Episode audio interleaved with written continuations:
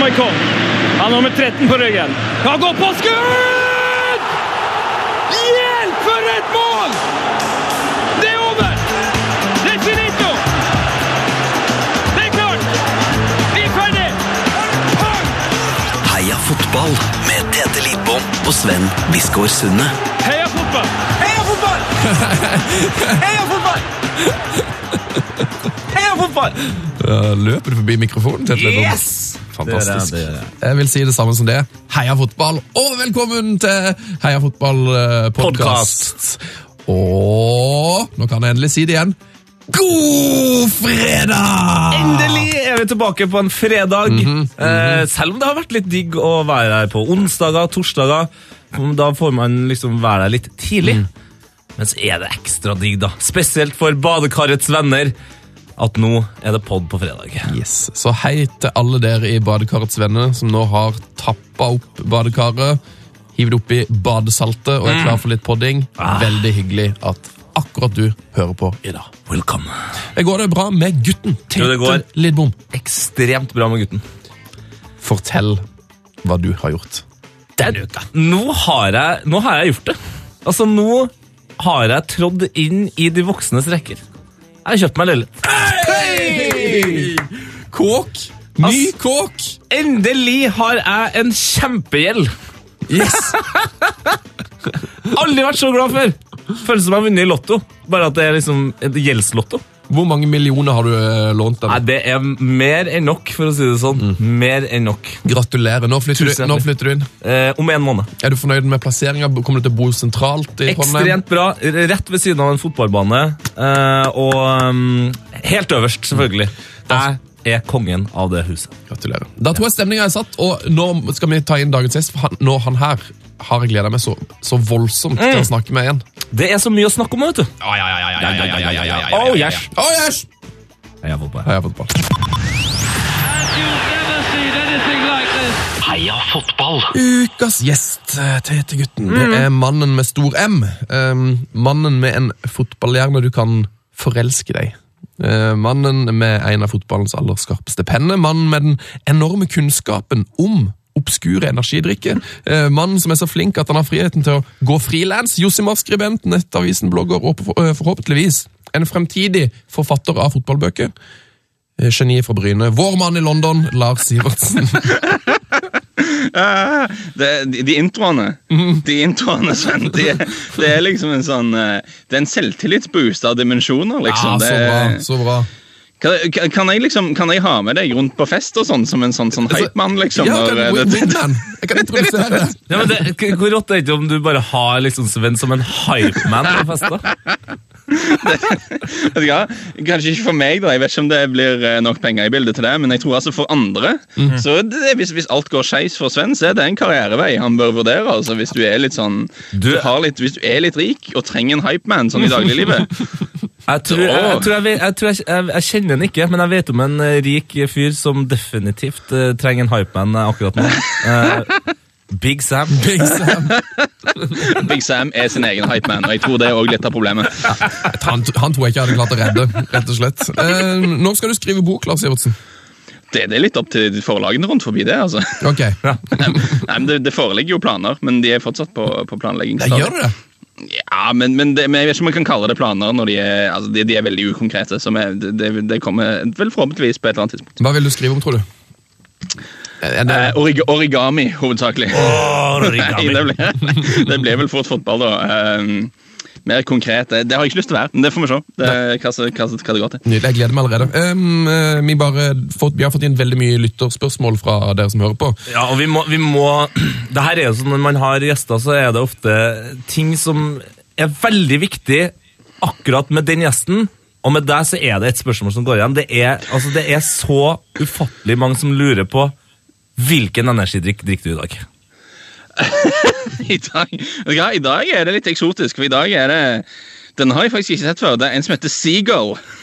Seagull? Ja, Måke. Måkeenergidrikk! Så det er måkejus i, eh, i, i, i kanna her. Altså, er det sånn at du da etter å ha tulla med på et par sånne nå, kommer til å sitte og bare Mine! Mine! Det, det vil tiden vise, altså, men det, det er ikke utenkelig. Eh, og Den er produsert i EU, det er alltid betryggende å se, i, uh, for et firma som er basert i Darmstadt. Oh, Men er skeptisk til at det er produsert i Darmstadt. Jeg tror det er billigere å produsere andre steder her i Unionen. Men uh, ja, det, det, det er ganske suspekt, dette her, altså. Sist hadde du med den en ekstremt hissig variant som heter Ja. Albani Raj, var det ikke? Ja, det er albanske Raj. Det var, det var noen sånne albanske greier som så ganske skummelt ut. Her er, dette, nå er vi litt mer eh. Her er det, han, her er det måker, rett og slett. Ja, altså, det, jeg, jeg, jeg måtte jo google det her med en gang. selvfølgelig. Jeg, syns det er en ganske high class, eh, sånn high end energidrikkboks. Det ser sånn ut, men så har de besudla den litt, da, for at på toppen så, så står det sånn special offer 49P. Så det står, de har liksom jobba inn i For jeg er enig i at en design hadde vært fin hvis det ikke var et sånn eh, skikkelig sånn, eh, sånn, sånn Rimi-greier på toppen her. Ja. Men, eh, den, men den er, den jeg har gunna den ut på, på Twitter her nå, så dere kan, dere kan gå og se. Alle lyttere. Det, det, det er i timelinen min der. Følg Lars Sivertsen på Twitter. Um, ni, Om ikke, om ikke bare så på grunn av det, altså. du, jeg, må, jeg må snakke litt mer om, om skrivetalentet ditt. For det Nils Henrik Smith, en av Norges eh, sånn mest spennende unge forfattere. eh, Even Smith Wergeland, hans bror, og, og Lars Sivertsen. Tre av Norges flotteste fotballskribenter, alle, alle mann, og alle er fra Bryne. Ja, og vi faktisk eh, vokste opp ikke veldig langt fra hverandre. Vokste opp i samme gata, mer eller mindre. Ja, mer eller mindre. Jeg kunne eh, altså En, en litt sånn eh, drøy klarering fra, fra, fra hagen min hadde truffet huset deres, altså. Så det, det er ganske artig sammentreff. altså. Det må ha vært noe i, noe i vannet der, kanskje. Ja, ja, det- Iallfall med de to. altså. Jeg, jeg syns dere hyper meg opp voldsomt her nå, men eh, altså, de to er skitflinke. Men, men, men eh, altså, var det en helt sinnssykt bra norsklærer, eller eh, Altså, hvorfor Ah, jeg, jeg, jeg, jeg, var litt sånn Jeg hadde et litt ambivalent forhold til norskfaget når jeg var um, ung, for jeg skriver jo bokmål. Eh, og jeg var litt sånn, sånn veldig aggressivt, sånn, for min mor er fra Fredrikstad, så jeg vokste opp med litt sånn, sånn eh, eh, østlandsdialekt i heimen. Så jeg har alltid skrevet på bokmål, mens så- eller Time kommune, er selvfølgelig veldig nynorsk kommune. Ja. Så derfor ble det litt sånn clinch mellom meg og lærerne mine der. da, For jeg var sånn typisk sånn som, sånn som folk er, mange, mange barn på Østlandet når de blir tvunget til å skrive bokmål, liksom, så, nei, tvunget til å skrive nynorsk, så skriver de svensk i protest og sånne ting. Altså, jeg, var, jeg var ikke helt der, men jeg var pokker ikke langt unna heller. altså Nynorsken min er en, en, bare en forbrytelse mot språket. Eh, så, og, og sånn var det der òg. Så det, jeg, vet ikke, jeg, jeg, eh, jeg tror ikke det var så mye der for min del, altså. Mm. Vi må snakke litt finsk fotball òg, tenker jeg. Ja, det må vi. Ok, Hva, hva er din connect? Du har bodd i Finland ennå, så var det der? jeg har det. Um, I alle dager! Nei, men det var, det var når jeg var yngre, så var det liksom ingen som ville ansette meg noen sted, så da endte jeg opp i Finland. Det, det, det er sånn det er. Um, og, eh, og det gikk, men det, det som jeg koste meg litt med da, er at jeg, og, jeg pleide å gå og se på et lag som da var vel i, på nivå tre i Finland, eh, som heter Ilves. Mm. Jeg bodde i Tampere. Eh, og, og, og Tamperes første lag, som dere kanskje husker, var Tampere United. Ja, det husker vi Men, ja, men, men, de gikk litt under, da, for de var, de var så smarte at de hadde signert en kontrakt med et sånn agentfirma fra Singapore. som gikk ut på at de jeg tror vel om jeg ikke husker helt feil, så gikk kontrakten ut på at de måtte bruke x antall spillere fra dette agentfirmaet i hver kamp. og det, var jo, det lukta jo ikke matchfixing i det hele tatt. da. Så, eh, så de, ble jo, de fikk ikke lov å være med i serien og bare forsvant helt. Eh, Så, så jeg gikk med og så på Ilves, som da lå på nivå tre, og de har pakka meg rykka opp til, til Eliteserien i Finland nå. og Det var jo et sånn tøyselag, Nei, eller ikke tøyselag, da, men det var sånn du kunne se etter fem minutter om Høyrebekken hadde vært på byen i går, og sånn, og, det, og, og så satte du inn bets deretter. liksom. Det var, det var litt på det nivået, men nå er de i eliten, så det, det har gått bra med Ilves. Eh, Gøy at, Yl, eh, at Ylvis var et tøyselag. Men, men altså, jeg sitter og ser på den eh, ligaen her nå. Det, det er utrolig mye forkortelsesnavn. Det er VPS, SJK, HIFK Ja, de er glad i det. Jeg har aldri UPS. Uh, Kups. Kups ja. fra, vel fra Kopio, tenker jeg. Uh, og, og Rops, som er fra Rovaniemi. Ja, Uh, og Kjempelag. Og Ro- Rops gjør det bra om dagen. Men ikke minst PK-35 Vanta. Altså, PK35, ja. De er jo kjempedårlige. Altså, de, de er jo eh, de, de har jo vært verre i, Finland omtrent enn det Start har vært i Norge. Det er jo katastrofe med PK i denne sesongen. Men de hadde vel, om jeg ikke husker helt feil, så starta de sesongen med Chef Kikuchi som manager. og Han har liksom litt han som hadde fått de opp i eliten, og så hadde de egentlig ikke så mye i eliten å gjøre, og så er de på vei ned igjen, og så har Sjefki flytta seg videre. Åh, Sjefke Kuki. Han er så, kanskje ikke overraskende en ekstremt fyrig og temperamentsfull eh, eh, manager. Ikke overraskende. og rett, Nei, ikke. rett over PK35 så er FC Inter. Det visste Eh, jeg! Ikke, ikke deg, men, men, men samme drakter, om jeg ikke husker helt feil. Og har han det? Ah. Ja, de har svart og De to jeg tror jeg faktisk har spilt mot Inter, Inter Turku. Eh, Det er faktisk, jeg tror det er der Sjef Kikuchi har havna, om jeg ikke husker helt feil. Han har gått ett et, et steg opp på steg opp. Jeg husker Vi spilte mot eh, Inter på Danacup et år. Oi. Oh, ja. De, hadde, de, de spilte i uh, Så Interdrakter. er en slags hyllestklubb, da, rett og slett. Ja, det Ja. må, må være det. Ja. Men, og, og, det, blir kanskje for obskurt nå, men jeg, altså, når jeg var der um, så, um, så, så spilte jeg litt fotball, da. Eh, for meg, det er sånn når du bor altså Finland er et veldig rart land. Jeg tror jeg, jeg har jo vært så heldig at jeg har fått reist litt i min tid, og jeg tror ikke jeg har vært i noe land i Europa som føles så annerledes enn Finland, for språket er helt rart. Eh, det er masse sånne små ting som er annerledes, som gjør at du føler deg litt sånn som utlending så føler du deg litt sånn, ja. Eh, Så, så med andre, med forskjellige utlendinger, med, med resten av innvandrerne i byen, eh, vi, vi hang mye sammen da. Eh, Det ble veldig sånn expat-miljø. Og, og vi bestemte oss for å lage et lag som spilte da, futsal. Eh, Men vi måtte begynne på bånn, da, siden det var, eh, siden det var nylagt lag. og sånne ting. Og jeg er ganske sikker på at liksom, det laveste nivået av eh, finsk hobbyfutsal det er kanskje det laveste nivået av organisert fotball noe sted i Europa. Det, det tror jeg er helt fair å si, for at det er jo ikke fotballand på sånn måte. De spiller jo mye hockey og sånn, så, selv, så, de, så selv i Norge, liksom, selv de dårligste i Norge har liksom spilt fotball når- fra de var fem til de var ti, de fleste av de. Så da har du litt basisferdigheter som sitter der. Men det er det litt sånn ymse med i, i, i Finland. Og det var spesielt ymse med vårt lag, for vi hadde liksom en sånn australier som kun hadde spilt rugby, aldri hadde spilt fotball før. Så når han fikk ballen, så var det krumma nakken og springe rett fram, liksom. Uh, vi hadde en mormoner fra Kongo som heter Erik, som var litt sånn, uh, litt sånn tidlig Theo Walcott, på en måte. Han sprang jækla raskt rett fram, og så av og til ble ballen med, av og til ble ballen ikke med. Og, og siden han var litt rask, og resten av laget var litt utrent, så var det mye at han spurta av gårde framover, og så tok det veldig lang tid før noen kom etter, liksom. Og så ble litt strekk i laget. Nei, det var forferdelig dårlig lag. Men, uh, men det som alle, som alle som hører på, som har spilt hobbyfotball, det er jo det som er kjekt. Det er når du når det, når det er liksom nivået er lavt og, og hyggen er høy, så er det, det er kjempegøy. Ja, ja. Og eh, bare kjapt eh, siste ting om, eh, om finsk Ja, fotball. nå må, vi men, snart- Altfor mange minutter på dette. her Ja, nå. men det her- er, jeg tar selvkritikk for det. altså. Men det, her er, ja, men det her er faktisk helt sjukt. Jeg måtte jo finne ut hvem som var toppskårer i finsk uh, Vekkusliga, som det heter, tror jeg. Um, og det er altså en fyr med Det er kanskje det verste navnet jeg har hørt en fotballspiller hadde. Eh, han har drakt nummer 99, han er 32 år, han er fra Finland, og han heter Nazi Kuki.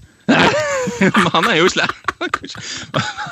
Men det er jo en av de mange mange fetterne til Sjefki, tror jeg. Han heter altså Nazi Kuki! Ja, men, men, det, men det, jeg kødder ikke. altså, Den, den, den, den Sjef Kikuchi sin familie har liksom er veldig, Det er veldig mange av dem. Det, det er litt sånn som floene, på en måte. Så jeg tror det er, tror det er en slekt, om en det er fetter eller en bror eller et eller annet sånt. Men for, for noen år siden så var Demba Savage toppskårer. Det var jo ganske kult. så, må være så tungt å rope inn han der nazi til lunsj. og sånn. Nazi! Øv da! Det er lunsj! Det var, Nazi! Kom her! Å, det er tungt å være nazifan. Det er i hvert fall eh, Oi, oi, oi. Velkommen, Lars Ivertsen! Heia fotball! Ai, ai, ai. Strålende å ha deg på plass, eh, Lars. Der, der, Ja, blir det. Nå blir det Seagull. Må gå i morgen nå, altså. Du, eh, Lars, vi har jo invitert deg um, for, å, egentlig, for å begrave oss litt i Big Sam-saken. Eh, Sam Allardyce. Eh, Det det som er flaks med det, er at det er sikkert fullt mulig å begrave seg i Big Sam. Altså, hvis du leter gjennom fold, foldene der. Altså. den, den saken her er jo en, en gave til alle som er interessert i livet, vil jeg si. Eh, det, er litt, det er litt krim, det er fotball. eh, humor. og Folk, karakterer. Eh, Han var altså Englands landslagstrener i 67 dager. Han, han er nå den eneste landslagstreneren sikkert i, i verden som har en 100% win rate. Han vant all, alt. Han, hadde, han vant alle kampen. kamper med England. Alt! Nå er han ferdig. eh, og hva, hva, men hva, hva er det som skjedde? Det er noe korrupsjon her. Skal jeg illustrere liksom hvor uvanlig og ekstremt dette er? Ok, oppe på hjemmekontoret mitt så har jeg en, en kopp med kaffe. Uh, og det, Jeg vet ikke om noen har, som hører på hatt hjemmekontor noen gang, men det er sånn, og derfor om dere er sånn som meg, så blir det ikke alltid rydda der oppe. og sånn, Så jeg har en kopp med kaffe, og jeg, jeg tror det er litt kaffe igjen sånn i bånn. Sånn lite grann. Eh, og den koppen med kaffe skulle helst vært tatt ned på kjøkkenet og vaska på et eller annet stadium, men jeg, jeg glemmer, liksom alltid det når jeg er der oppe. Eller kanskje har jeg, har jeg en annen kopp med kaffe, så jeg kanskje går med ned med to kopper. liksom, så Den har blitt stående der. Og jeg er 90% sikker på at den har stått der siden før Big Sam ble, ble ansatt. Så jeg tror jeg har en kopp med liksom bitte grann sånn halvmygla kaffe i bånn som har rett og slett lengre levetid eh, på hjemmekontoret mitt enn en Big Sam hadde for England. Og Det er jo et skrekkelig innblikk inn i ryddevannene mine, men det sier òg noe om, om hvor spesielt det som har skjedd her, eh, her med Big Sam er, rett og slett. Eh, hva, hva er det han har um, Hva var det som felte han? Nei, ok. um, da, hvor skal vi begynne? Uh, ok, dette, det er viktig å si først og fremst at dette er en del av en større uh, graveetterforskning eh, gjort av The Daily Telegraph inn i eh, en, eh, det, det de oppfatter som en korrupsjonskultur i engelsk fotball. Og det er sånn, eh, Jeg vet ikke hvor viden kjent det er i, i Norge, men altså, her så er det litt sånn åpen hemmelighet at det alltid har vært en del korrupsjon, da, i form av at uh, managere får gjerne en liten andel av altså Historisk sett, det er ikke sånn at det skjer hele veien nå. Men det har ofte vært sånn at ja, managere får en liten andel av overgangssummer eller sign-on-bonuser og sånne ting. Altså, det finnes artikler som har blitt skrevet i Norge om, om eh, Rune Hauges liv og virke. Altså, hvis man er interessert i det, så kan man, man lese opp og høre litt om hvordan det var. Uh, og det, det har historisk sett vært en del av, av kulturen. Ikke, ikke alle, men, men noen managere uh, har gjerne hatt agenter som de har hatt et spesielt godt forhold til, og så har de henta mange spillere fra den agenten, eksempel, og så har de gjerne fått en liten del av ting under bordet. og sånne ting. Og.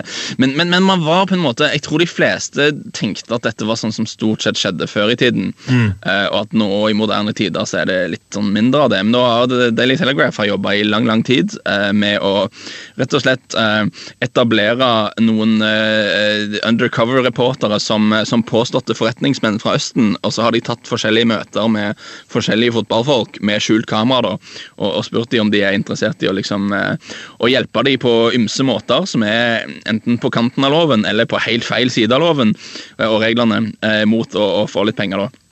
Og, og Big Sam var vel han som røyk verst ut av det, fordi han er Englands landslagstrener, og da er jo søkelyset på han på en helt annen måte enn den er på noen andre.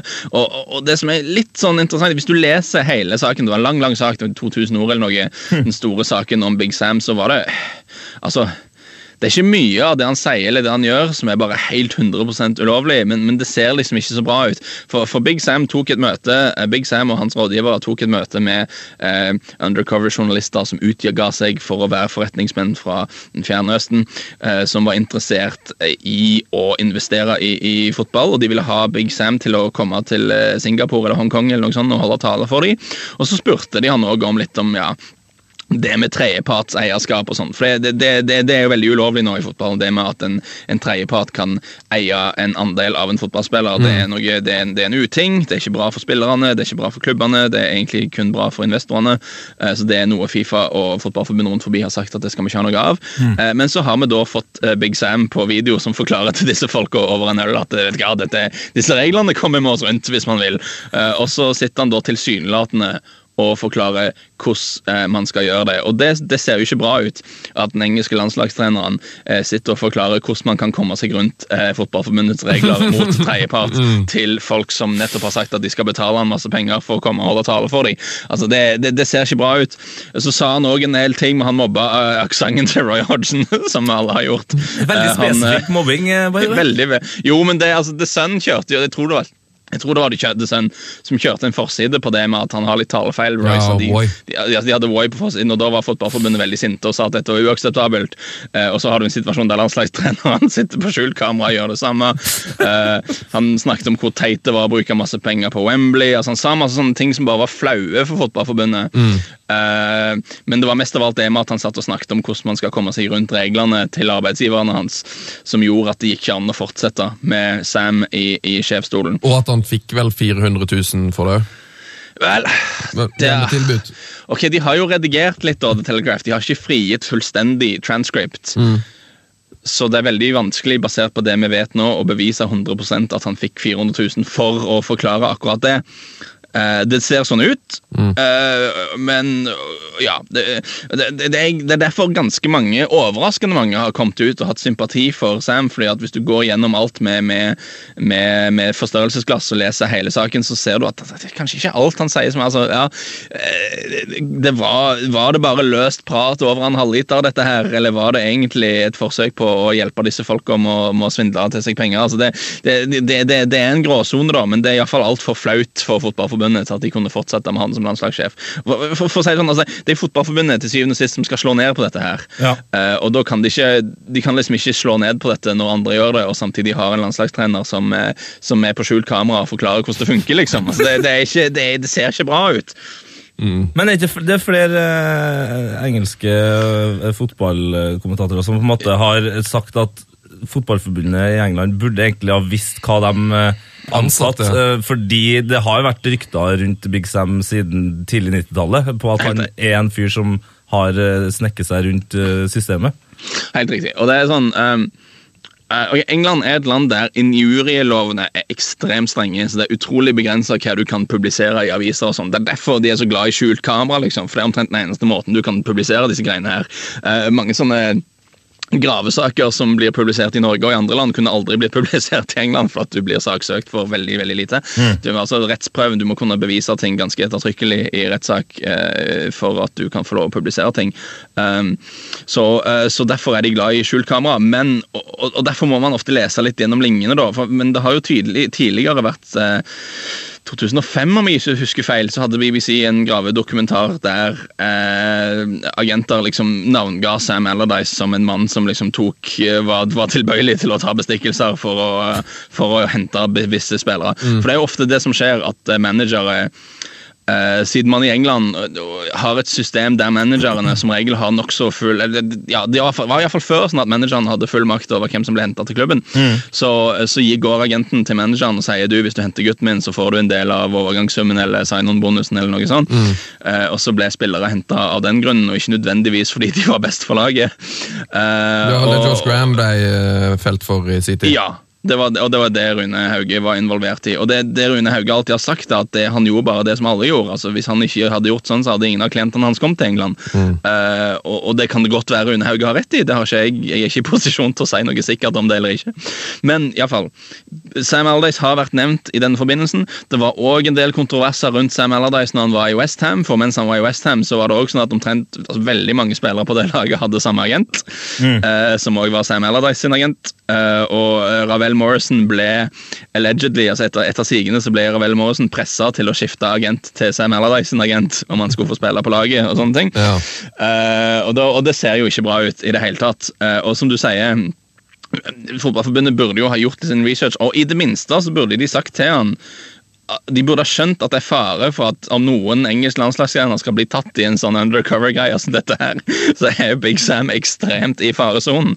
Eh, For det er noe som Det er annerledes når du er England-trener. Altså Hvis en fotballtrener driver og gjør sånne ting, så er aviser gidder ikke bruke så mye ressurser på det, for til syvende og sist så er det ikke det er ikke førstesidenyheter liksom, på i så måte. Det, er- det er liksom, det er bare det er en, det er en grådig fotballtrener, ok, men når det er England-sjefen, da er det, det er verdt å bruke litt penger på å, etterforske. etterforske. Så, så da havner du i søkelyset på en helt annen måte. Og de, jo ha, de burde jo ha sagt til Sam at du, du kan ikke gjøre noe, noe sånn som dette her. altså, Da, da blir det trøbbel. Kanskje de sa det, for all del. Ja.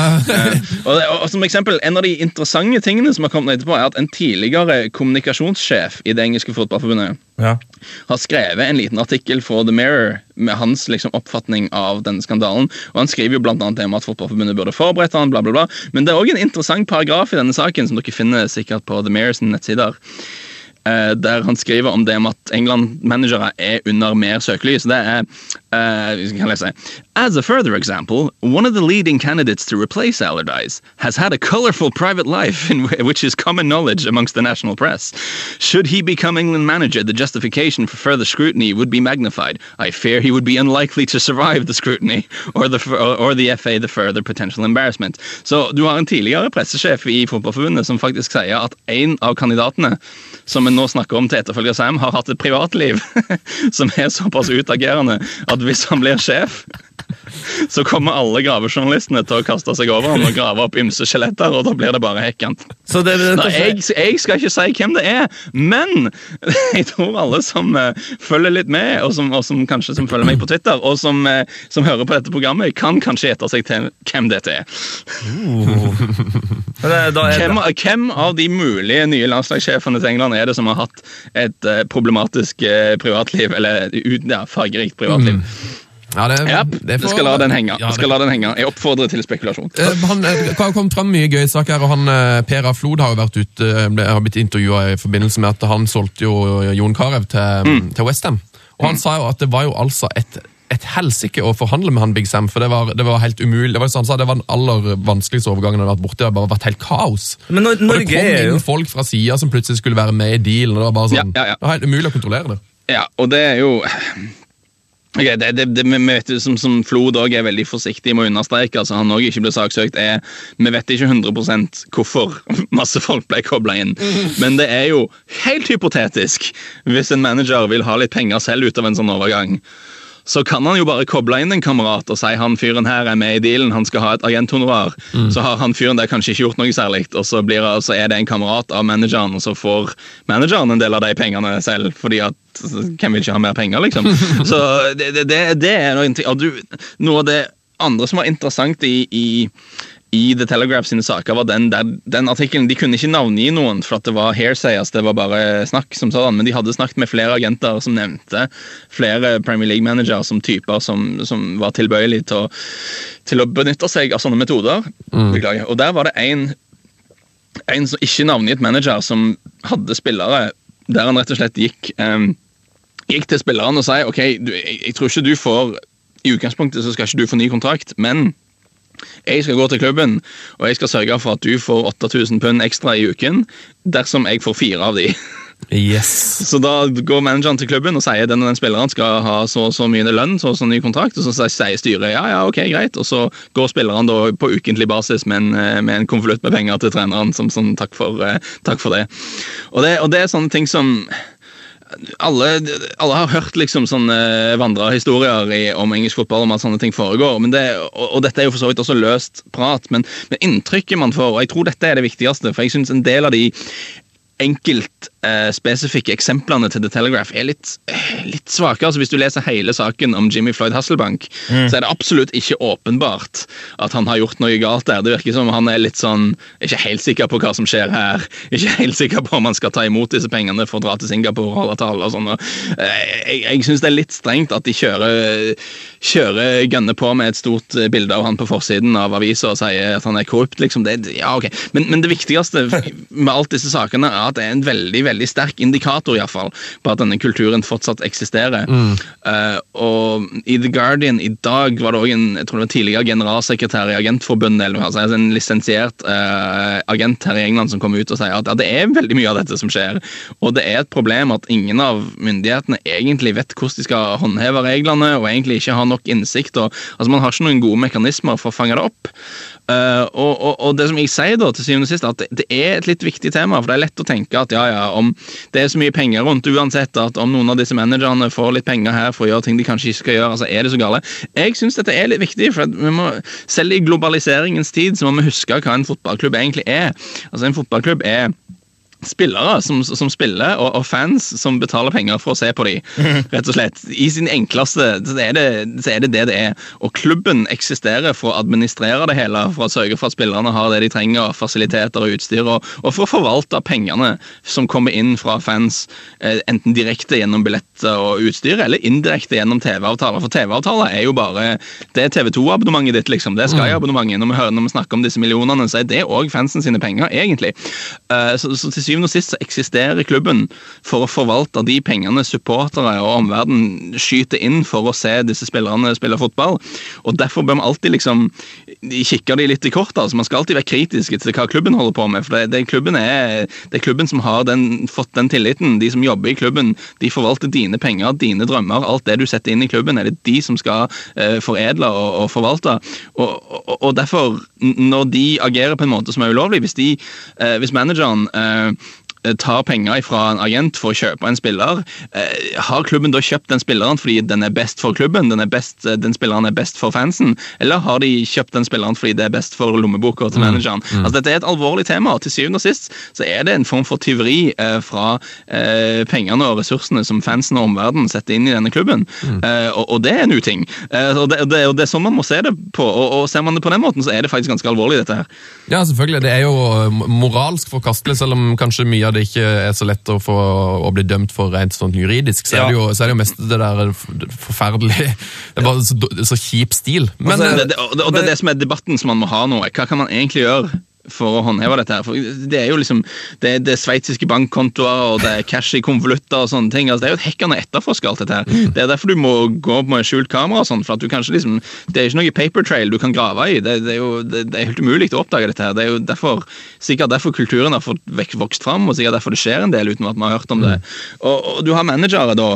Dersom det disse agentene sier er riktig, og det må vi understreke at dette er liksom Det er løst prat eh, sagt til eh, eh, folk de trodde var forretningsmenn fra den fjerne østen på en restaurant. liksom, altså det er ikke noen sånn, Vi vet, det ikke jury, vi vet ikke 100% om det er sant eller ikke, men dersom det disse agentene har sagt til The Telegraph sine reportere stemmer, at du har managere i Premier League, som er den ligaen i verden der det er mest mediespotlight, mest søkelys, altså alt det du gjør er under lupen, som, som likevel liksom stikker seg unna med sånne ting, så sier jo det litt om hvor i, i hermetegn lett det er å komme seg unna med det. da, og da, da, da er det en utfordring rett og slett for myndighetene med hvordan man skal håndtere dette. her. Ja, Han ene agenten som eh, Telegraph har snakket med, han forteller jo om at han har eh, en bankkonto i Monaco og eh, får satt inn penger via tredjepart eh, på en konto der, og så flyr han ned og henter pengene i en koffert, mer eller mindre, og frakter tilbake. Det er jo, Helt Hollywood-filmen. ja, det er jo skikkelig, det kommer til å bli en veldig god film, det her, etter hvert. Ja, det er og- mye sånn bra stories. Og, og stakkars de underfinansierte offentlige etatene som blir satt til å etterforske dette. her, liksom. Altså, det er jo ikke greit. Det var jo det jeg snakket med jeg husker for noen år siden, når, eh, når Harry Redknapp eh, var i retten. Eh, og da, da snakket jeg Jeg var på, var på bar med en, med en, med en veldig dyktig og, og, og fremtredende idrettsjurist her i England. Og hadde tatt et par halvliter og snakket litt løst og fast. Og jeg spurte denne, denne Harry Retnap-saken altså, du, hvorfor, hvorfor i all verden klarer de ikke å få dømt han? For at det er liksom sånn I hermetegn, alle vet jo at han er altså, ja, Det er en sånn åpen hemmelighet. da. Hvorfor klarer de ikke få tatt han? Og da Juristen da lener seg over barsolen bort til meg og sier du, de som jobber for staten her, de som jobber for uh, Homeland Revenue, eller hva det heter, det er en grunn til at de jobber for staten og, og får sådan betalt, og det er en grunn til at forsvarerne til Harry jobber for Harry og får en helt annen eh, Ja, gasje. ja. Altså, det, det, De dyktigste folka er på feil side her, altså. Mm. Uh, og og det, det hjelper heller ikke når du skal prøve å, å etterforske disse sakene. Mm. Eh, det, som er, det er Telegraph som har den saken her. mm. Og det, det sies Det det virker jo som de sitter på veldig veldig mye mer. Og de, eh, de, det virker som de koser seg, for det kommer liksom nye saker på nye saker. Nå eller det han uh, Southampton sin eh, Eric Black. eh, assistent Black som eh, var den siste her nå. Men de, det går vel, de sier vel at det er åtte managere som de har dritt på, som det kommer Ja. til å komme ting på. Liksom, Altså, det kan bli ganske stygt. Nei, men Jeg tror det var saken i går, og utfordringen er at de har dritt på dem, men de har, det de har, er agenter som sitter på restaurant og snakker om dem. Ja. Uh, og hvis de da altså hvis de da navngir de, altså det er hearsay, hvis du da navngir de i aviser, da blir de saksøkt for ærekrenkelse. Hvis de da ikke kan bevise at det som blir sagt stemmer, da taper de. og da må da blir The Telegraph fort en mye fattigere avis. Mm. så det, det, det er problematikken der. altså, så jeg er jo mer jeg tenker på det, det er veldig, jeg er ikke, ikke helt trua på at de navnene kommer til å komme ut noen gang. altså. Det, men, men du kan jo lese beskrivelser av dem. Det er litt fascinerende.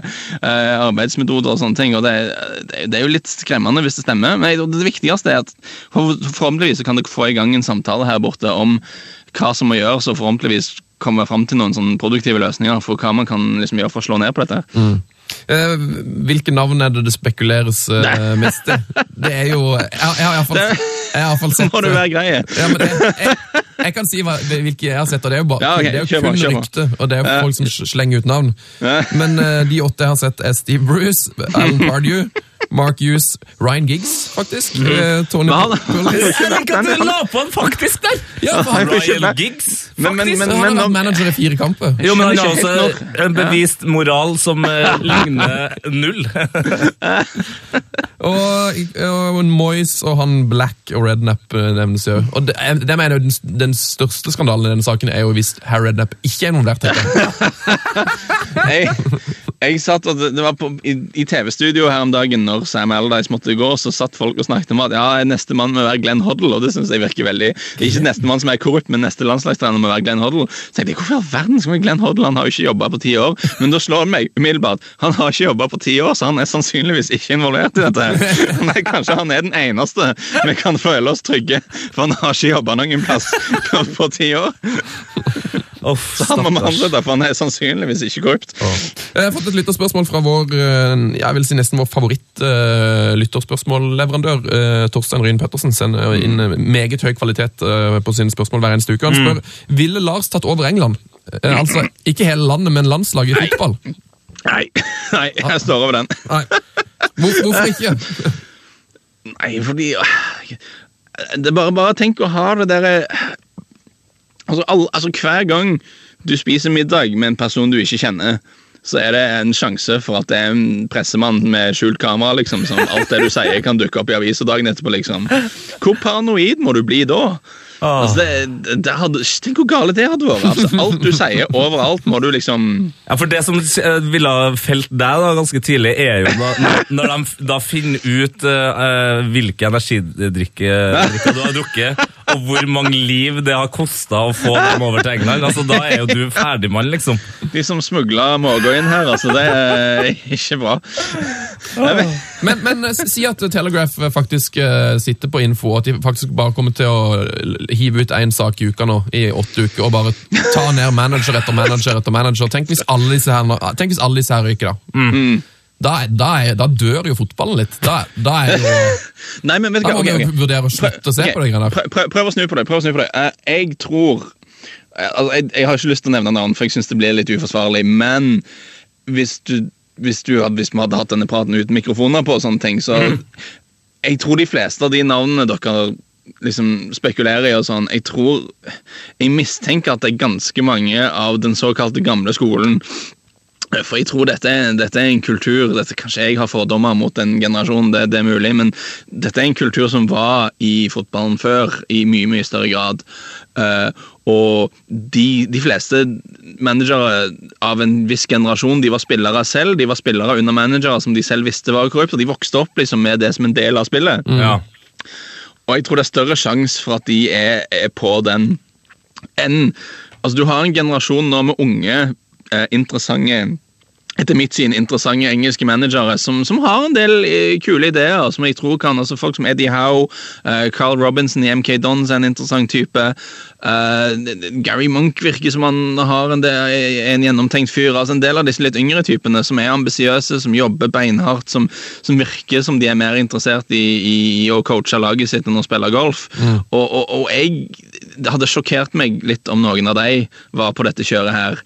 Og, og, og hvis alle de i den For du har liksom en generasjon av managere som virker som de går litt på rotasjon. da, altså De, de får sparken her, de får sparken der, og så får de plutselig jobb igjen. Sparkes det oppover, rett og slett. Aldri, aldri egentlig oppnådd noe noe sted, liksom, men de får hele veien jobb. liksom. Det, vet hva som skjer? Det, du har en, en del av disse her.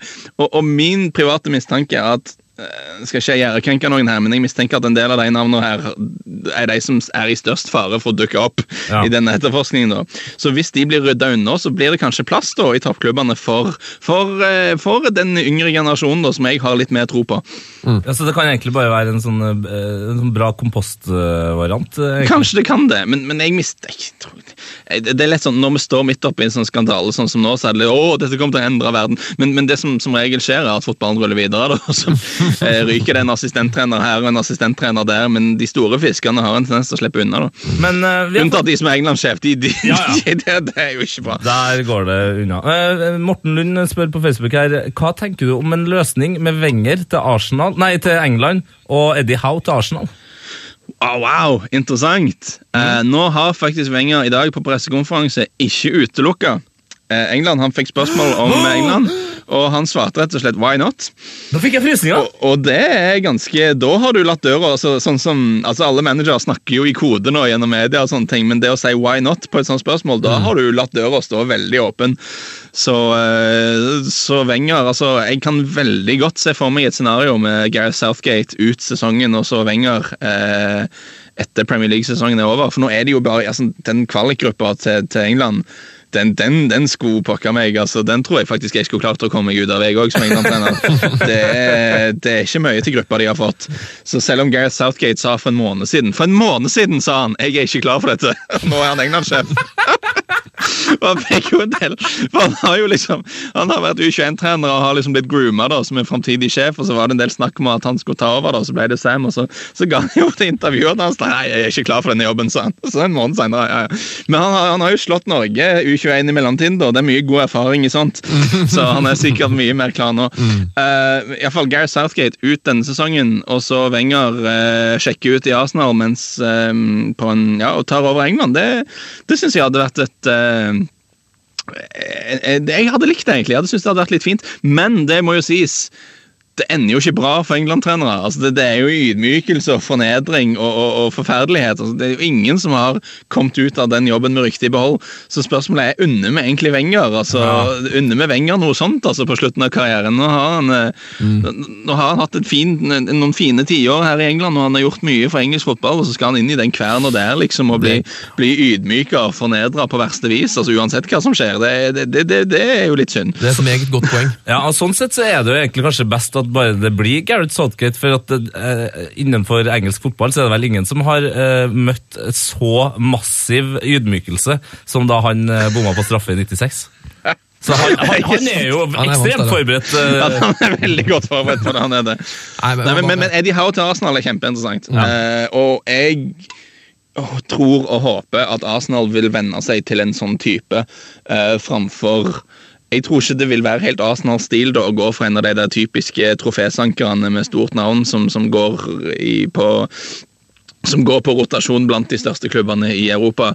Jeg tror det hadde passet mye bedre for Arsenal å prøve å å finne litt mer ubeskrevet blad, en person med friske ideer, eh, som, som, som kan gjøre For, for Wenger revolusjonerte jo eh, engelsk fotball når han kom til Arsenal. Og, og, og Arsenal håper vel å ta finne en ny person da, som kan virkelig, virkelig gjøre noe nytt og, og komme med noe nytt, og, og ikke bare liksom Ja. Ikke bare vinne et trofé og så stikke av gårde igjen liksom noen år etterpå. Ikke sant? Så jeg liker den tanken veldig godt. Ja, jeg er helt enig. Um, fått et lytterspørsmål fra um, en som kaller seg for Eirik. Eller Tollisen Eirik heter han på Twitter. og Han sier hvor mye elsker du Chris Sutton som pundit? Oi, oi, oi. Ja, jeg hadde Kanskje jeg tok litt hardt i det. Det var en, en uke siden eller noe sånt, så var 17 på radioen, og da, da meldte jeg litt hardt på Twitter at han var en bedriten mann eller noe sånt. Var, er, men det er sånn, ok, det fins tusen forskjellige måter å være pundit. Altså, Jeg liker ikke ordet ekspert. Ord ekspert er litt teit. Ja. Men altså, man, men, man må jo men, men folk som er på, på radio eller TV og snakker om fotball på en måte som er interessant og som stimulerer altså, Ekspert betyr liksom ingenting, men pundit er for så vidt bedre, da.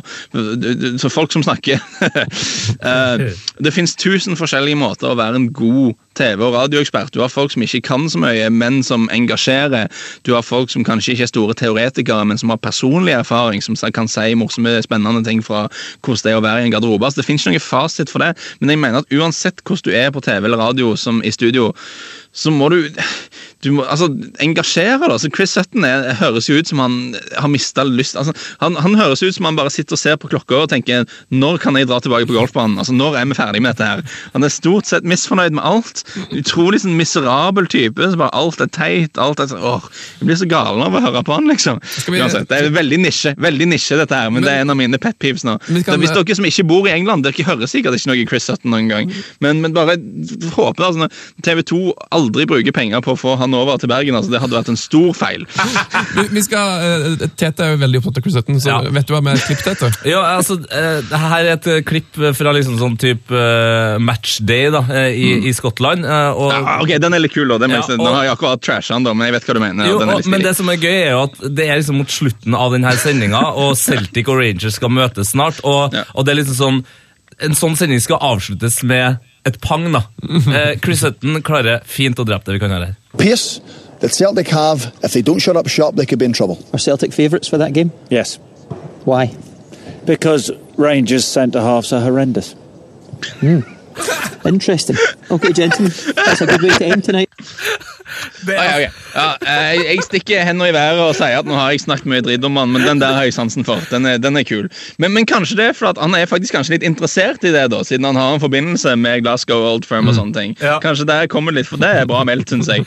Men du hører bare toneleiet hans. Er liksom, uh, det altså, nå er det jeg veldig altså- slem med Chris Hutton. Ja, men det er jo sånn, Han får et eh, ganske langt, fint spørsmål, så han svarer bare 'yes', og så bare må du forklare så bare 'The center halves are horrendous'.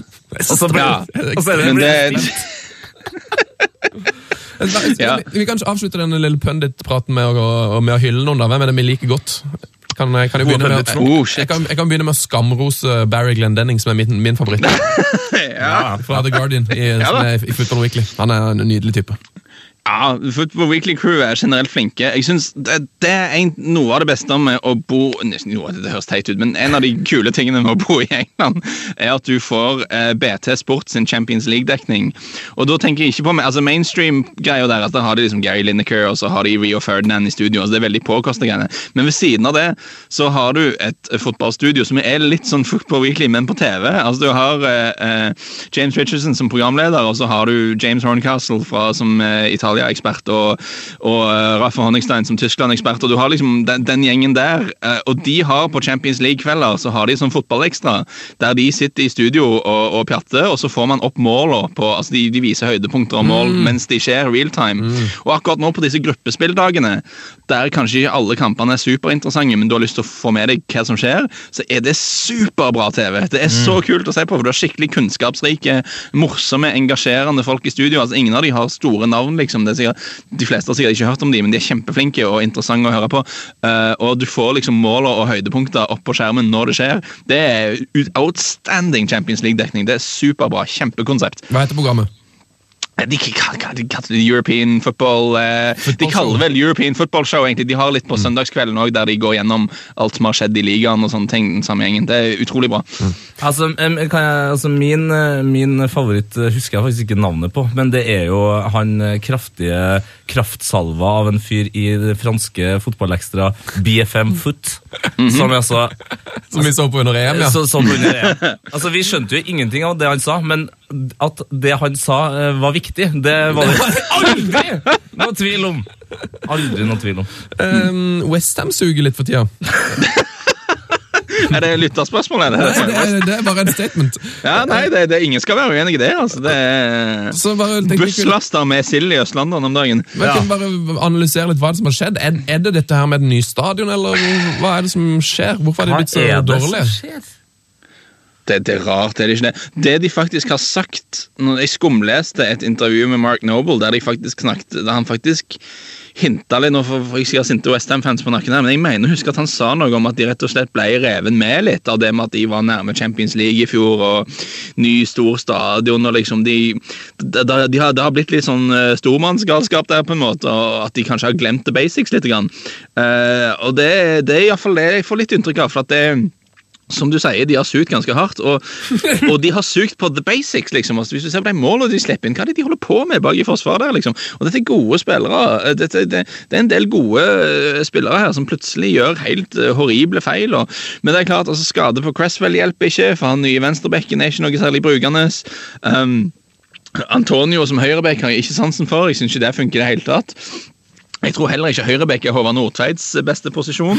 Altså, det er en del sånne eh, Collins personell- er vel ikke en topp internasjonal stopper lenger heller, selv om han kan eh, å druse inn volley, liksom. Collins er vel litt avhengig av å ha Winston Reed ved siden av seg for at det skal bli i gang. For Winston Reed er jo en veldig undervurdert spiller. altså Han er en outstanding stopper. Jeg er litt overraska over at ingen av toppklubbene har snappa opp han på et eller annet tidspunkt. Men han tjener jo altså han tjener godt og, og bor i London og har sikkert et veldig fint liv, så han trives nok greit med det. Men eh, eh, ja, at, men ja, det, det er litt også ja, de har gjort, de gjort en del sånne overganger som ikke har slått helt til ennå, er det lov å si.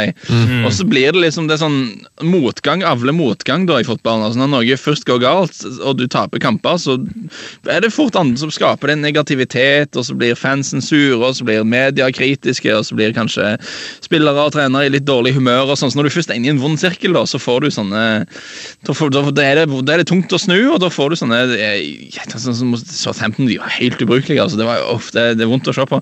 Og det, og det er jo det er trist at det har gått så galt, og det er trist at det har blitt sånn som det har blitt med den OL-stadionen. som Jeg, jeg syns jo ikke det er en fotballstadion i det hele tatt. altså. Og, og de har gått ifra en av de flotteste arenaene, sånn som, altså, sånn som jeg vil at en fotballbane skal være, sånn som jeg vil at en fotballstadion skal være, så har de gått ifra en av de flotteste til å ha en av de flotteste stadionene i England til å ha en av de verste. altså. Og, og, og det, Nå er ikke jeg noen Westham-fan, men det er bare som en person som likte å gå på Upton Park og se fotball, så syns jeg det er kjempetrist. Altså Kveldskamp på Upton Park det var noe av det fineste man kunne gjøre i Premier League, syns jeg. altså. Kjempestemning som regel, og, og jeg fikk litt sånn eh, Du fikk litt den følelsen Vi har jo alle en sånn nostalgi for en, for, en, for en periode av engelsk fotball som ikke eksisterer lenger, og som kanskje ikke eksisterte i utgangspunktet, egentlig. altså dette med det, men, men, men, men du følte at ting var litt mer sånn som det var før i tida på Upton Park. da. Eh, og, og, og, og nå er det jo helt uh, Nå er de ute i Stratford der, og det, det, er, ikke, det er ikke bra, det. altså. Det er som, uh, jeg, jeg har aldri lagt skjul på at jeg er Tottenham-fan, og jeg er utrolig glad for at Tottenham ikke endte opp med den stadion der. altså. Ah, ja. En, en liten eh, hyggelig Westham-fun fact. da. Eh, de har jo da skåra sju mål.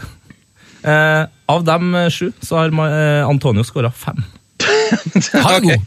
Han er god, han! Han Han stiger. er Du må god! ikke, må ikke spille høyreback, da. Du- det du han. Det, sier- det sier jo det meste, egentlig.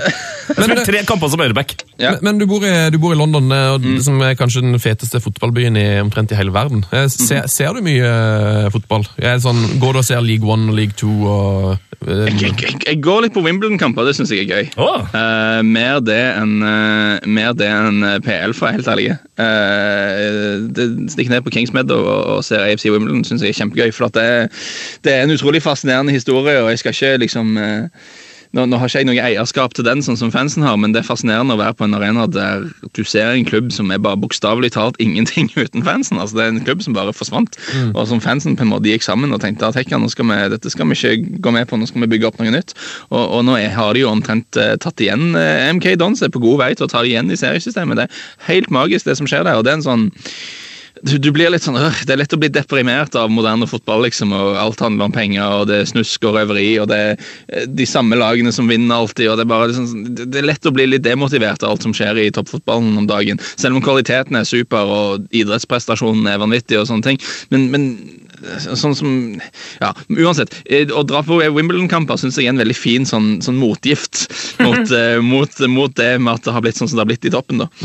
Ehm, Det har kommet en ny Uefa-president siden sist òg, som ikke eh, egentlig nesten noen kjenner så veldig godt til. Nei, men vi støtter han likevel, altså. Vi støtter han. Vi er veldig glad i han. Det er jo vår mann, det her. han er det, tydeligvis. Det er Norges mann, rett og slett. Ja. Aleksander Sjefrin eh, fra Slovenia. Jeg vet at uh, Josimar, som du skriver mye for, har uh, Det er jo egentlig de som har skrevet 'Mestermann i verden', tror jeg, som, som vet mest om Ja. fyren her. Men, men hvem, hvem er Aleksander Sjefrin for en fyr? Altså, Mine ærede kollegaer Josimar har gjort superbra arbeid der, og jeg eh, anbefaler alle å sjekke ut det, eh, det som har gjort der. Og det har jo virkelig liksom satt Josimar litt på kartet der. altså Det har blitt plukket opp av internasjonal press og sånne ting. for at eh, det er ikke alle som liksom er så interessert i å grave litt i, i fotballpolitikk, men fotballpolitikk er en arena der hvis du plutselig graver litt, så finner du mye rart.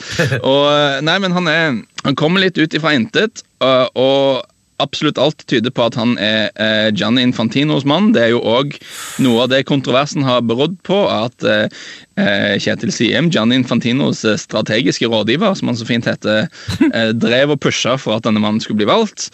Uh, han, dette berømte møtet i Milano der de nordiske fotballforbundene var til stede, der uh, Siem anbefalte de om, at, om å støtte denne mannen.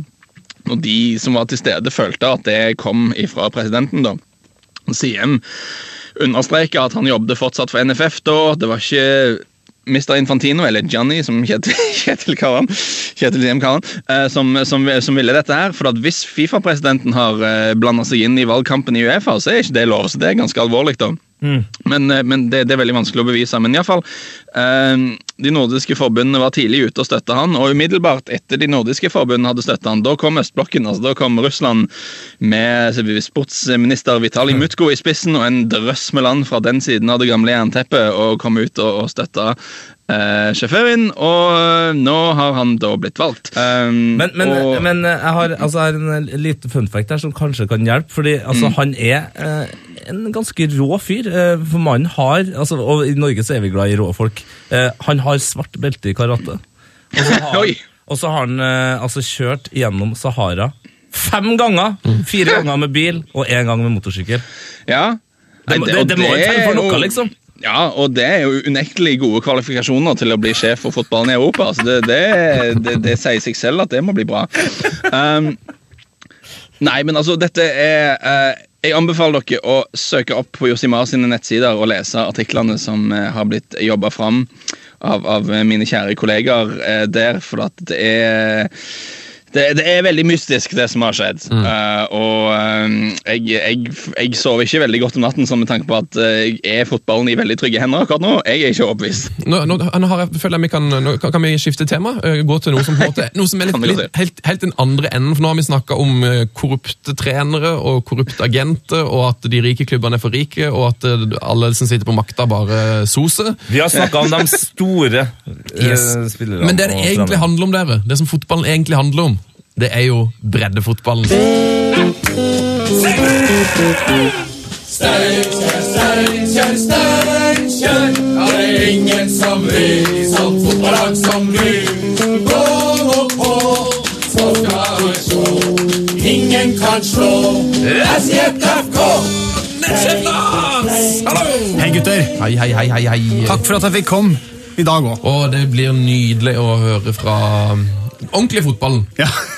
det som betyr noe. Hva som skjer. Du får hilse på Lars som sitter i London og ikke kan se deg. Hei, Lars.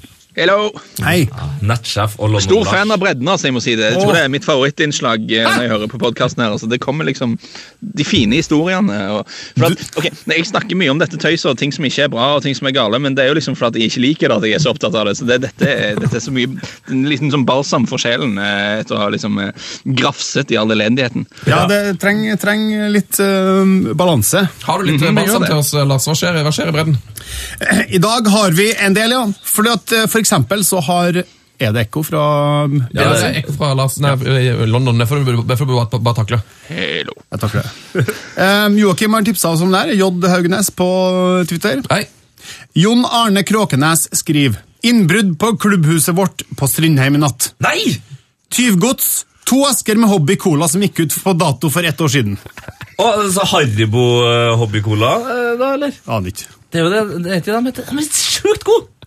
Så de har tatt de har tatt digg, den som har gått ut for et år siden. Det var egentlig greit. Og Espen Bakken hiver seg på her og, og replyer. Det kalles ikke innbrudd, det kalles påtvunget rydding. Fint om alle kriminelle er såpass trivelige og behjelpelige. Det var en grei sak. Vi går videre til nok en grei sak. Det er da Hareid IL som i forrige uke kunne opplyse om følgende.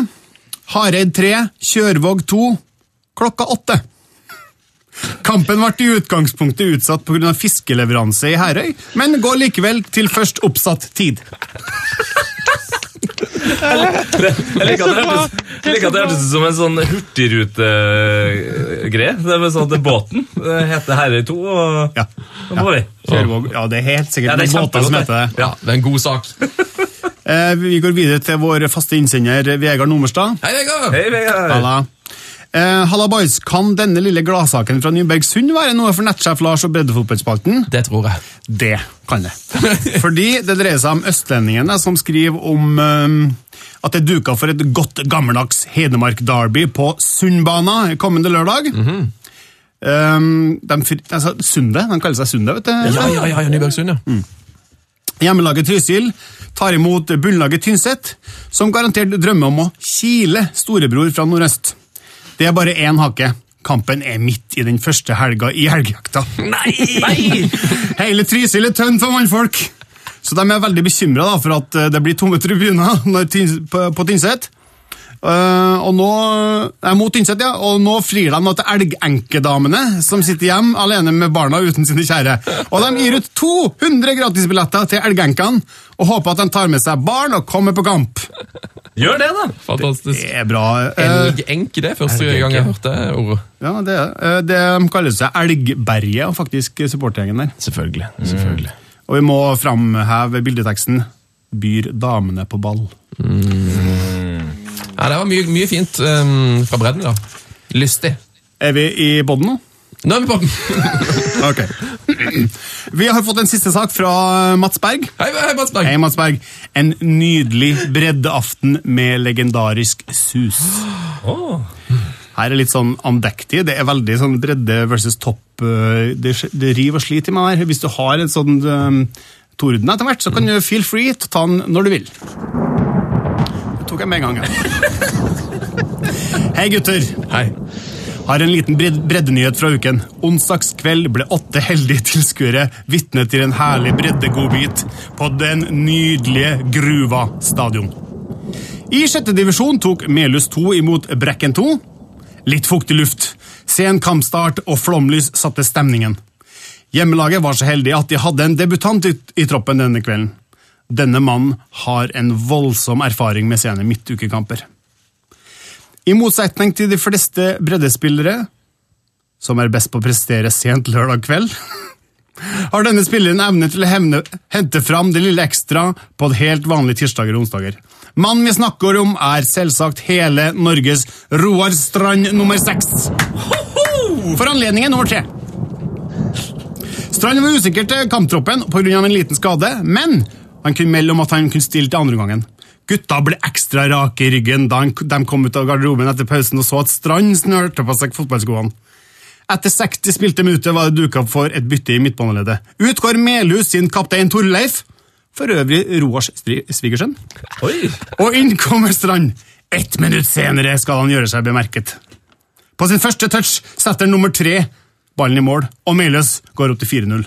Nei. Fem minutter senere skal evigunge Strand bli sentral igjen. Etter å ha tatt tunnel på en brekkenspiller og finta seg gjennom 2T, ble han felt bakfra inn på 16-meteren. Melhus får straffer, og som settes sikkert i mål. Fra sin vante indreløperplass hjelper Strand gutta til seier 10-0.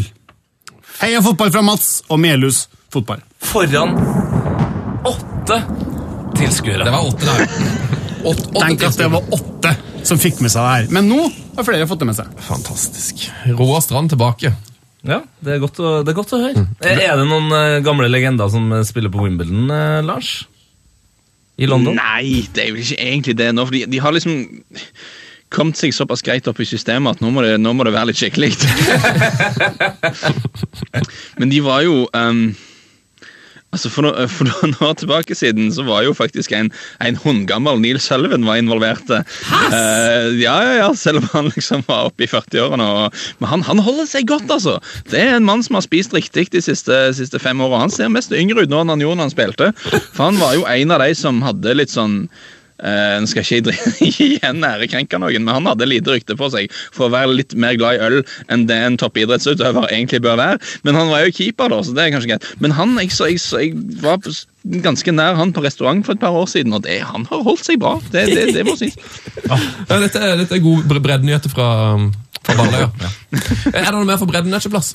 Ikke denne uka her. Nei, det var- det var strålende levert. Vi går til post og brevet. post og brevet. Post og brevet, post og brevet, post og brevet. Vi har fått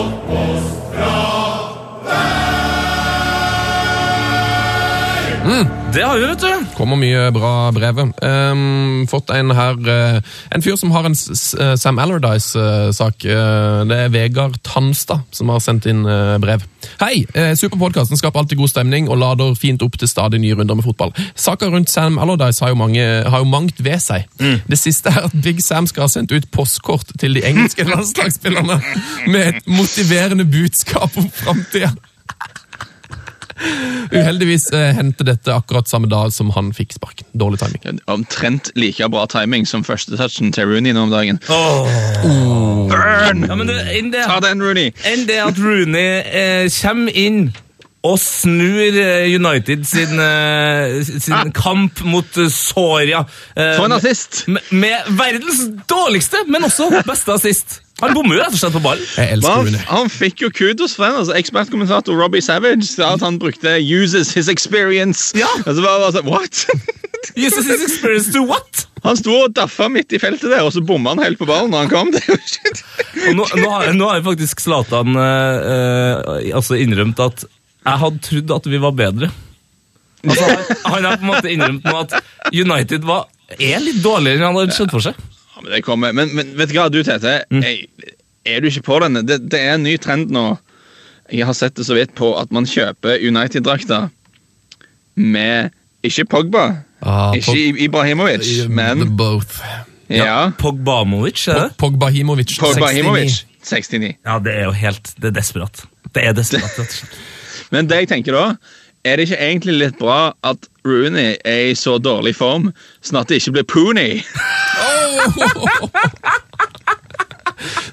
Den, Puni 69. den er god. Åh, det ble det er Eller- bra slipp. Det er bra. Eh, Kunne vi, altså, hvis, hvis vi noen gang hadde hatt altså, nå, nå strekker vi det litt her, men hvis tidligere Sheffield Wednesday- Wednesday-spiss Andy Booth noen gang hadde forma et bra par sammen med Atletico-midtbanespiller Thomas Partey, da hadde det blitt Bootay.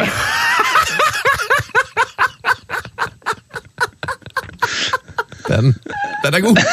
Den er god! Jeg Ganske langt ut på Jeg, jeg viddene, da. skulle ønske at Men, de, eh, at de to i hvert fall får lov til å spille sammen en gang i en finsk futsal. eh. men ok, lyttere, lyttere, kom an. Nå må vi ha andre eksempler på dynamiske duoer som aldri må spille ja, ja. sammen i frykt for grove og forferdelige draktnavn. Verdens beste lyttere. Norges beste, definitivt. Kanskje verdens beste. Ja, Nå må dere gå på Twitter, eh, at P3 Få det på. En, en ny duo. Jeg har fått et strålende eh, brev på Facebooken vår. Jeg har på en eller annen sjuk måte ikke klart å få med meg navnet på han som har sendt det inn, men han har skri sendt oss et drømmelag. Um, og da her skriver han Hei gutter, har en rolig dag på jobben og bestemt meg for å bidra eh, med et drømmelag. Det er helt sikkert noen eh, tidligere koner som ikke syns disse guttene er så mye å drømme om lenger. Oi! Utro exi. Utroexi! Oi! Og det her er det altså alle disse spillerne her, her kan man gå og sitte og google i en time etterpå, for alle disse spillerne har jo da utroskap som har vært uh, ute i pressen. Eh, med, med my, mye stygge ting her. Eh, Oliver Kahn i mål har jo en uh, utroskapsgreie. Uh, Evra, Terry og Ashley Cole er bakre treeren her. Det er en tung treer. Der er det mye å ta tak i. Uh, Frank Ribberi, Royston Drente, Mesut Özil, Adam Johnson og Ryan Giggs på midtbanen. Det er tungt å avslutte med. Det var nesten bra at du fikk Ryan Giggs, Giggs til slutt. Du Det- over Adam Johnson. Du har en dårlig midtbane når Ryan Giggs har oppstemninga. Ja. Det kan vi vel si. Olivier Oliver Giroud på topp sammen med Wayne Rooney. da, vet du. Ah. Har fått, vi har fått veldig mye fine drømmelag. Um, vi har en Jeg tar den her, jeg. en, eh, det er en slags eh, anatomi, kropp, exi-greie som har blitt til skjellsord exi. Og det er Chelsea ja. Ja. Uh, så ja, det er egentlig hvis, hvis du er under 18, så sier jeg som eh, de gjør i Hollywood-filmer, earmuffs. I mål, fy Fabian Barthes. Forsvar, Balle-Frans Beckenbauer. Kenny Helvetete til. Florian Fitte. Og så skal vi til midtbanen. Pajævel Nedved. Jan Derek Sørensen, og ikke minst Jan Derek, den skjønner jeg ikke. Jan Derek Søren. Ah! Og så har du da selvfølgelig anti-Cristiano Ronaldo. Det er bare far den. Anti-Cristiano Men eh, vi skal nok vi skal til angrepet, og det er jo alltid angrepet det skjer. Og jeg tror faktisk jeg sparer det beste til slutt, så vi starter med Marco Faen Basten. Hore André Flo. Pavel Hestkuka. Og ikke minst, til slutt, Thomas Mammaknuller!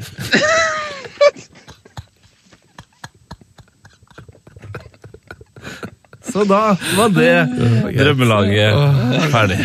Skal, eh, kan vi kanskje hoppe over på et eh, Det er jo, det er jo postebrev, brev, det her òg. Ta et lytterspørsmål til Lars. Ja. Eh, fra Joakim eh, J. Haugnes på Twitter, som skriver Hvordan går det med eksperimentet om de fiktive fotballryktene dere skulle sette ut? Vårt geniale prosjekt. Men, men der har jeg en plan nå. Jeg har formulert en plan. Ja. Um, Det er mest fordi at vi hadde glemt det, at jeg har formulert denne planen. Men nå har jeg formulert denne planen, og dette er en god plan.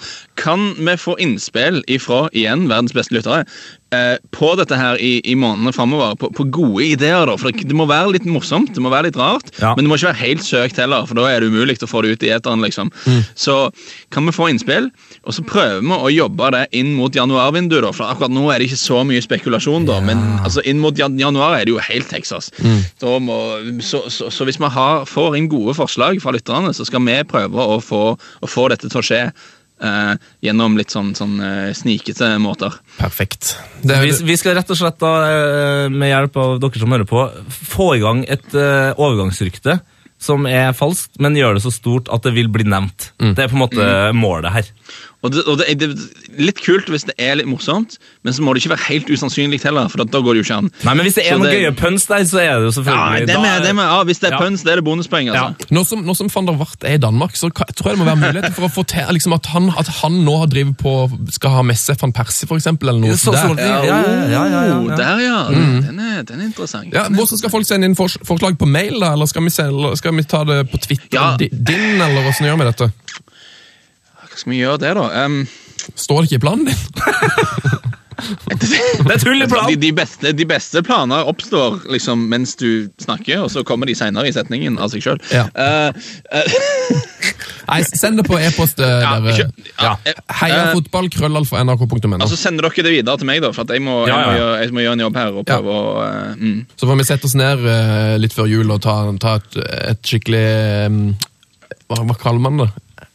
En skikkelig økt. Ja, en økt, ja. En god økt. Ja, Det der blir gøy. Det blir veldig gøy. Uh, jeg har fått et, et ekst, altså Kanskje et av de beste lytterspørsmålene vi noen gang har fått, uh, fra Perry Per på Twitter. og Han skriver at P3 er fotball, at Lars Iversen, Totti.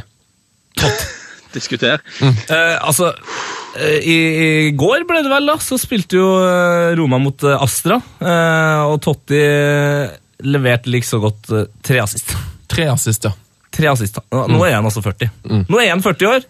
Han skårer hele tida og assisterer. Syns du han er god, eller, Lars?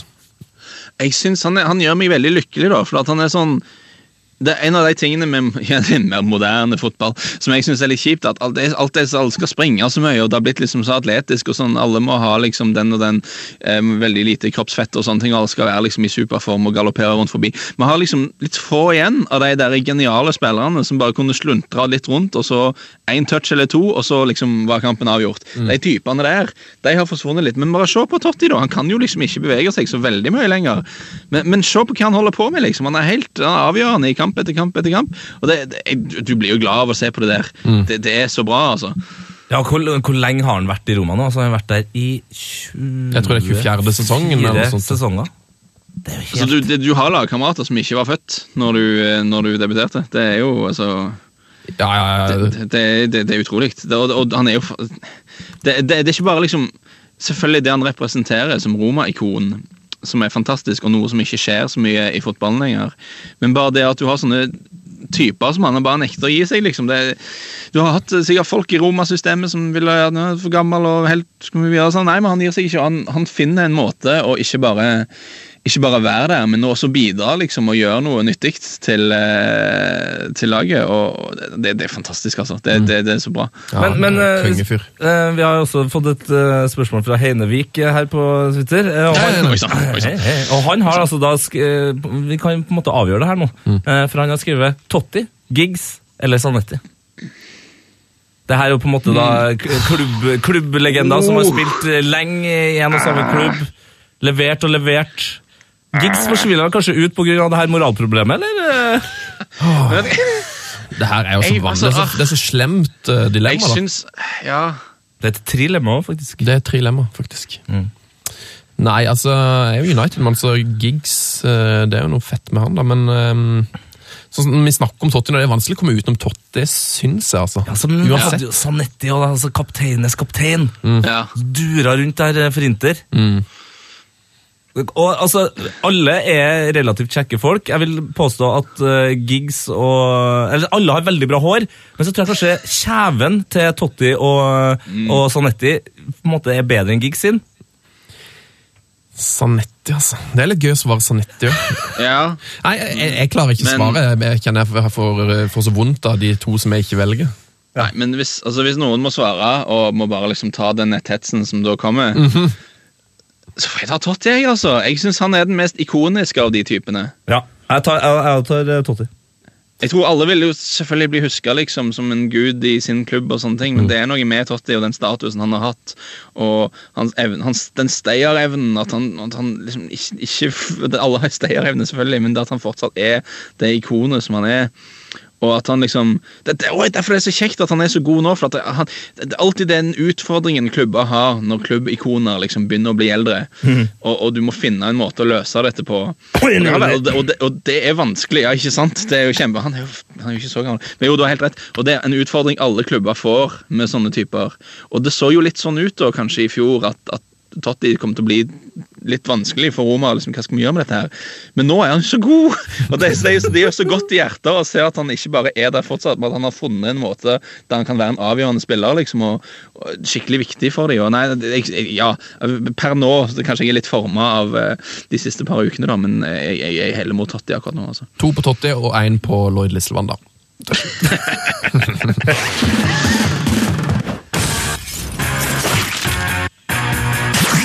Heia fotballs glory hall. Oh, yes! Velkommen til Heia fotballs glory hall. eh, Det vakreste stedet som eh, finnes faktisk i universet. Man må nok ta seg en skikkelig tur i et romskip for å komme dit, eh, eller så må man bli sendt dit av meg eller Sven. Det er en eh, grønn slette på en grønn planet hvor de aller fineste legender, som Erik Mykland, René Higuita, Emanuel Sannon og ikke minst Tony Hibbert uh, får kose seg. Ja, Francesco Totti er der jo òg. Ja, det er han. Han har vært der siden episode 23 eller noe sånt. Uh, ja, 23. Wes Brown er der. Utrolig nok. Det er heldigvis også Claes Ingesson og ikke minst Ann-Kristin Åranes. Eh, Er Battistuta der? Batistuta er der, sammen med Luke Chadwick. Luke Chadwick. West Brown? Wes Brown, ja. Wes Brown, vet du. Wes Brown er Er John, der. Ja, ja. er John O'Shea der? Mm, jeg kan sjekke. Jeg elsker John O'Shea. Eh, er det noen eh, Hvem er det du er opptatt av for tida, um, eh, Lars? Hvem er jeg opptatt av? Er det noen fotballedere som hadde fortjent en plass? for å dra de opp igjen litt der. Uh, Boniek. Pol, Polens Boniek, som yeah. faktisk er en av de få som har gått ut fra de store lederne som har gått ut og sier vet du hva, når neste EM er i et land som har invadert nabolandet sitt, dette er ikke ok. det er ingen som sier dette, men, men Boniek sa det, så han fortjener litt heder og ære. Ja. Kanskje ikke akkurat nå, men kanskje en gang i framtiden. Vi vi skal avslutte dagens episode med en, um, en liten hyllest som vi har fått fra en av dere fantastiske lyttere. Det er altså Simen Nybakk i dag, som har eh, sett en fotballkamp eh, for ikke så lenge siden, og, og ble så glad over den kampen han ble servert, at han satte seg ned etter kampen og skrev en hyllest til en mann som altså eh, Vi har snakka om han i dag, Ja, det har vi. og han, er, han fortjener i aller høyeste grad en plass i denne glory. Jeg har allerede frysninger. Så bra. Eh, Da kjører vi bare i gang. Lars, er bare lener seg tilbake. Dagens helt har gjort noe helt unikt i eh, Premier League-historien. Hundrevis av folk har prøvd å gjøre det samme, men det er kun dagens mann som har fått det. 22. oktober 1949 ble en kommende legende født. Som fotballspiller var han helt grei. Spilte for klubber som Strasbourg og Moulhouse i Frankrike, men det er som trener denne mannen vil bli husket. I 1987 tok vår gloryholder over storklubben Monaco etter å ha ledet Nancy uten videre suksess. Til Monaco henta han storspillere som Glenn Hoddle og Patrick Battiston.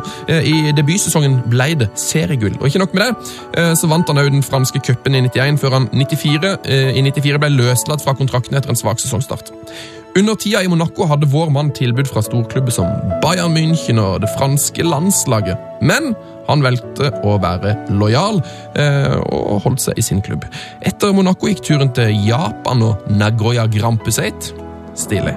22.9.1996 så skrev Arsen Wenger under for Arsenal.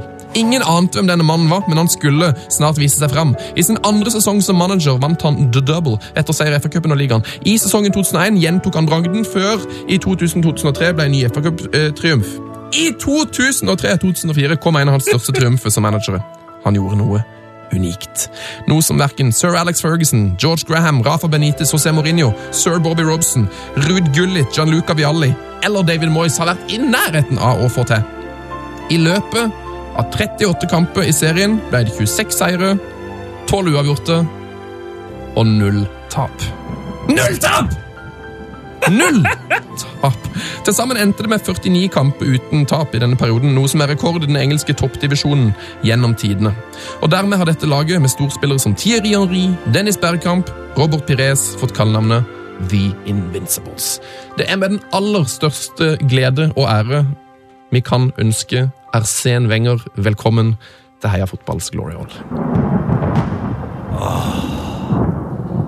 Og det her er ganske unikt òg, for det, det sitter altså da to Tottenham-supportere her. Og jeg tror vi er enige, Lars. Ja, nei, Han fortjener det der. Eh, Det, det er mulig å liksom erkjenne slik storhet på tvers av eh, klubbsympatier. altså Det sier seg selv. Og utrolig bra timing eh, at den er, blitt- kommer akkurat nå, eh, siden han nå har vært her i, i, eh, i 20 år. og... Um, 20-årsjubileum, altså. jeg håper litt han tar over England. altså. Tenk om han hadde vært mannen som endelig knekker den koden der. Eh, Det, det hadde vært utrolig fint, altså. For han er jo utrolig han er skikkelig glad i England. liksom. Han er en fyr- han er en franskmann som liksom har, eh, har kommet til dette landet og har liksom virkelig gjort det til sin heim, som det heter. Og så er han jo um, ekstremt tålmodig. Nå har han altså eh, fader meg fått sving på Theo Walcott. Da er du en tålmodig fyr, altså. Det må vi snakke om, altså. Se på Walcott! Se hva han holder på med! Og Det, det, det sies jo det med at det var når han Det gikk et lys opp for han nå i vår, når han ble dumpa til EM-troppen til fordel for Andrews Townsend. Å, den er tung! For nå var det, det var ti år siden Svennis tok han med. Og det, dette skal liksom være høydepunkt i karrieren sin. Og så sitter du hjemme, og du er ikke med i bruttotroppen til fordel for Andrews Townsend. Da, da, rett, da gikk han i seg selv, rett og slett. Det er det de sier, da, eh, eh, avisen her borte. Da gikk, da gikk Theo Walcott i seg selv og tenkte vet du hva, dette går ikke an. Så istedenfor å dra på ferie i sommer, så gikk han og trente. Han eh, ansatte en personlig trener og jobba med core strength og jobba på å bli, med, bli aggressive, sterkere, tøffere. Og det har vi jo sett nå så langt i år. Han, han springer og jobber, han takler, han står i. eh, og det er en helt annen Walcott vi ser nå. altså. Det er som du sier, Tålmodigheten til Wenger blir eh, belønna, for en gangs skyld. Det kan jeg nesten ikke få sagt eh, nok, men jeg er så utrolig glad for eh, egentlig hver gang jeg ser Arsenal. Det, det som egentlig ingen andre trenere nesten i hele fotballverdenen gjør. At han liksom, han står fortsatt på med det her, den måten å spille fotball på. Han skal spille vakker, eh, uttrykksfull fotball. Det er så sinnssykt fint at han driver på med det der. Det er liksom, det er ingen andre som, Han er forbanna som gjør sta, rett og nesten. slett. Ja, det, det er litt vakkert. Ja, altså, og og det er jo liksom sånn at det Målet mot Chelsea, og spesielt kontringsmålet som endte med den Øtzil-volleyen som gikk i bakken og inn. altså, så, så, det, det, var- det, det var så bra! Det var så Og, det, dritbra! og, det, og det, det er en kontring som du har sett eh, 50 ganger de siste 20 årene. Med Ja. forskjellige spillere, men med samme drakta i Arsenal. liksom. Du har sett denne kontringa mot, eh, mot lag i de nederste divisjonene, og du har sett det i, i, i semifinalen i Champions League. liksom. Altså det, Ja. ah, Kan jeg komme med en observasjon? Ja. Uh, Thierry Henry uh, versus Alexis Sanchez. Mm. Alexis Sanchez uh, kom fra Barcelona. Kan, kan ikke si som vrakgods, men litt, litt som sånn Han var, det var i hvert fall ikke plass til den der. Nei. uh, Thierry Henry kom fra Juventus. Det var ikke plass til han der. Litt som sånn vrakgods. Begge kommer til Arsenal. Gjør det ganske bra første sesongen, gjør det veldig bra andre sesongen. Er wing, men så finner Wenger ut at hmm, kanskje det her er en spiss. Kanskje det her er en ganske god spiss. Er det det som er i ferd med å skje med Alexis Sanchez nå? Er han i ferd med å bli Henri? Kanskje det. Jeg skulle, Det er en snodig og fin teori. Jeg skulle i hvert fall akkurat til å si noe om at jeg syns Nå har jeg eh, forsvart Olivier Giroud stadig vekk, men det er jo en kjensgjerning at med han ut av laget, så er det mer bevegelse, mer flyt, mer sånn vanskeligere å få has på det de holder på med der oppe.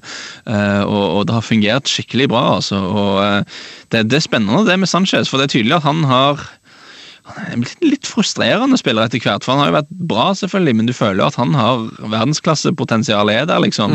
Og så har det akkurat ikke kommet helt ut. Ikke på sånn Walcott-nivå av frustrasjon, da, men sånn at han er dritbra. Men, men han, han har vært topp 30 i verden, men du føler han burde vært topp 10, hvis du skjønner hva jeg mener. Eh, for det potensialet ligger jo der, helt klart. Og jeg har jo vært litt sånn Jeg hadde forventa at han skulle kanskje gjør enda litt mer, men, men kanskje det kommer nå, altså. Kanskje det kommer nå. Fordi det Arsenal trenger mest av alt, tenker jeg, er sånne typer som er eh, som, som tar litt sånn grep og, og, tar for seg, og alle de der i, ut på våren, når Arsenal alltid har en sånn resultatrekker som gjør at de ryker ut av tetkampen. De trenger en spiller som kan bare brette opp eh, ikke brette opp armene, som mange sier. Det vil aldri, aldri, aldri, aldri brette opp armene dine. Nei, det er nei, kjempefarlig. det er. Ikke utrolig, utrolig dårlig. Brette opp ermene og, og bare rett og slett For jeg har en teori om det. Nesten alle lag som vinner serien faktisk Leicester er et lite unntak, men nesten alle lag som vinner serien, har iallfall én spiller på laget som er sånn at når ingenting funker, når alt er dårlig, når det er regn og sludd i januar, og sånne ting, så har de én spiller som bare vet hva gutter, nå tar jeg ballen og skårer et mål. Dere kan bare gjøre hva dere vil, men nå går jeg og skårer her. altså. En sånn individualist det har nesten alle seriemestere, og kanskje de siste, siste ti åra med Wenger så har Arsenal kanskje mangla en sånn type, da, som er bare vet dere hva gutter, jeg driter i at dere ikke får til noe, nå går jeg og skårer et mål. Det har de kanskje mangla. Alexis. Kanskje Alexis er mannen som liksom bare skal ta Nå, nå er det Alexis-tid. Og, og kan ta Arsenal det lille ekstra steget som de har slitt med. Ja, jeg har sjøl, til dere som spiller fantasy ut der, så, og fortsatt hører på, så får dere et uh, lite eh, tips fra meg. Et kapteinsdiff. Jeg, har- jeg kjører sjanseskaptein uh, nå. Hmm. Spiller du fancy, Lars? Jeg, Vet du hva, Jeg gjør ikke det, fordi jeg har nå i sånn fem år på rad girt meg opp for ok, i år i år er året jeg skal spille fantasy. Nå, nå så bruker jeg en del tid på det før sesongen begynner. Og så er det sånn tre-fire kampuker, og så, så glemmer jeg det. Og så, bare, nei, whatever, og så plutselig har jeg tatt masse poeng for at jeg ikke har bytta, og så er det bare teit.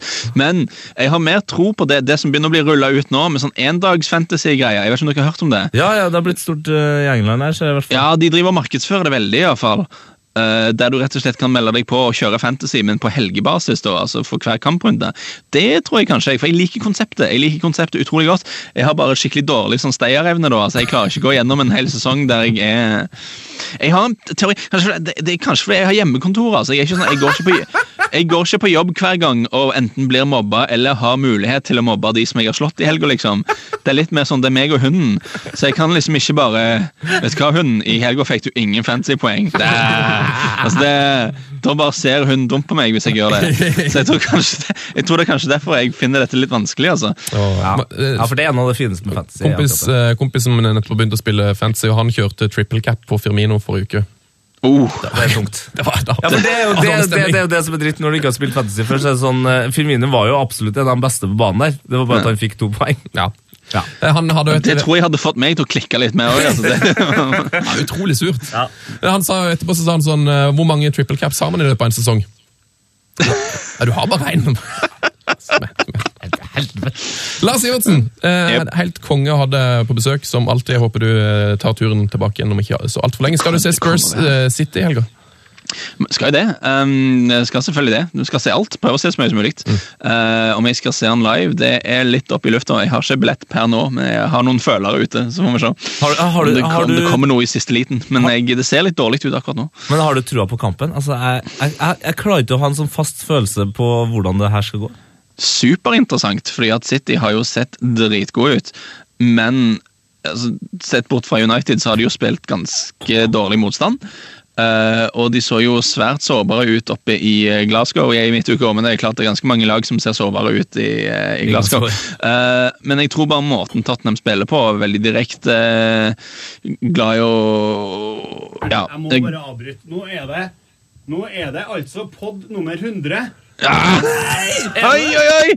Er det minste jeg kan gjøre, er å servere rykende fersk kaffe til Sven. Kom og nettopp Lars med rykende fersk kaffe. oi, oi! Episode nummer 100, ja. Det det. Wow! Hadde jeg kunnet, så hadde jeg servert kaffe til deg og Sivertsen. Gratulerer, Ja, Sivertsen. Ja, du, men, men tanken, det er tanken som teller. Skåla Det skåler tanken for, som teller. skåler for 100, da. Ja, skål, Skål, da, Hey! boys! Det er jo veldig passende at uh, Vi prøver jo alltid å lage podkaster som er sånn 85-90 minutter, men nå er vi allerede fem minutter på overtid. Det er så trivelig å ha Lars på besøk. men, men, men, men, men, men for en ære det er å være her nummer 100. altså. Det, det, det er jo det er ikke, det er ikke bare bare det. altså. Nei, det er, det er ikke bare bare. Nei, Det er helt utrolig. Uh, det, Spurs City har vi noe, noe måltips. Jeg tror det blir en del mål. Tror ikke, Det, blir, det det har ikke, jo blitt det de siste årene. skal mye til at det blir 0-0, det der, altså. Nei. Men uh, jeg, jeg syns det er så utrolig vanskelig. Men det som gjør at jeg tenker litt sånn Jeg må alltid være litt forsiktig med å tipse kamper når du heier på et av lagene, men nå sparte jo Tottenham litt folk i midtuka. Eh, og det tror jeg var lurt, for det har faktisk ikke Pochettino gjort så mye så ofte. Han pleier ofte å gønne litt på. Nå sparte han en del folk når de skulle til Moskva, så du har en del folk som er uthvilte. Jeg tror det at Kane er skada, tror jeg faktisk er ganske bra, for jeg tror han trengte en liten pause. Ja, ja, ja, veldig altså. Det store mysteriet er hvilken versjon av Hyun Min Song er det som dukker opp. Monaco for, for sånn, Kanskje verdens mest mystiske spiller. Altså, for når han er god, så er han så god. For han er ganske rask, han kan skyte med begge bein, han har bra touch. Han har ikke spesielt god i lufta, men han har litt størrelse òg, så hvis du slår innlegg på han, så kan han heade det inn. Men han har sånne kamper der han bare liksom ikke møter opp i det hele tatt. altså. Mon- Mon- Monaco-eksempelet som du nevner. Så det, det, hvilken versjon av han som dukker opp, er viktig. for det med å, Siden Pep gjør en del sånne fancy ting med sidebekkene sine, så det å ha en wing som kan skjære inn fra kanten der og skape hekken, det kan være en avgjørende sånn liten sånn taktisk eh, greie. Um, jeg tror den kampen er helt åpen. Jeg tror eh, Hvis du tipper, så vil jeg tippe noe annet. Eh, mål, kanskje. Kanskje et overspill kan være aktuelt der. Jeg, jeg føler det blir neppe 0-0. Eh, Ja, jeg, jeg har en følelse av at det blir mer enn eh, fire mål. wow! Det blir, det blir fire mål pluss, liksom. Ja, det jeg, jeg godt tror det kan bli kanon, det der, altså, men jeg, så skal jeg rett og slett bare uh, sette meg på gjerdet og si at jeg vet ikke. For at det, det, og det, det er sånne kamper du elsker å se på da, når du går inn og tenker at dette her kan gå hvor som helst. Det er Premier League, og i Premier League vet man at der taper alle lag med gjennom mellomrom, så nå må City gå på sitt første tap. Hvis ikke, Jeg tror det, de har ikke, mm. Med all respekt til United, som er litt i startgropa av prosjektet sitt her nå, så tror jeg ikke City har spilt mot et såpass um, bra lag som det Tottenham er akkurat nå. Uh, nå, nå, nå taper de sikkert 4-0, nå som jeg har sagt det, men, men Tottenham har vel, om jeg ikke husker feil, så har de vel kanskje deres beste start på sesongen noensinne. Det er Jeg tror jeg i det. det, er faktisk det. Eh, og og de, de ruller av gårde, og de har ikke sånn vært sånn supergode spillemessig, men de har plukket med seg resultat, og de er, de er godt trente, de kjenner hverandre. Jeg er en av de som mener det ikke nødvendigvis er så dumt at de ikke henter så mye spillere, Uh, for da Pochettino liker, han er mer opptatt av å ha en spillergruppe der alle liksom, alle skjønner systemet, alle kjenner, vet hvor mye de må jobbe, alle er 100% med på hva de holder på med. Uh, så jeg tror dette kan gå veien for Tottenham, jeg, rett og slett. Nei, jeg så jeg går for 2-1 Tottenham. Nydelig! Nydelig, Lars. Eh, Du får ha vel, eh, vel hjem. Tusen takk. tusen takk. Uh, og for all del, uh, det her er det bare jeg og du og Sven som skjønner, men ikke snakk med noen på T-banen. Heia fotball! Heia fotball! Frank de Boer speelt de bal. Heel goed naar Dennis Bergkamp. Dennis Bergkamp. Dennis Bergkamp neemt de bal aan. Dennis Bergkamp. Dennis Bergkamp. Dennis Bergkamp. Dennis Bergkamp. Dennis Bergkamp. Oh! Frank de Boer speelt de bal naar Dennis Bergkamp. Die neemt de bal feilloos aan. En die schiet de bal erin. We spelen nog officieel 20 seconden. Dennis Bergkamp. P3s Heia fotball. Ny episode hver fredag. Last ned din nye favorittpodkast på p3.no podkast. P3.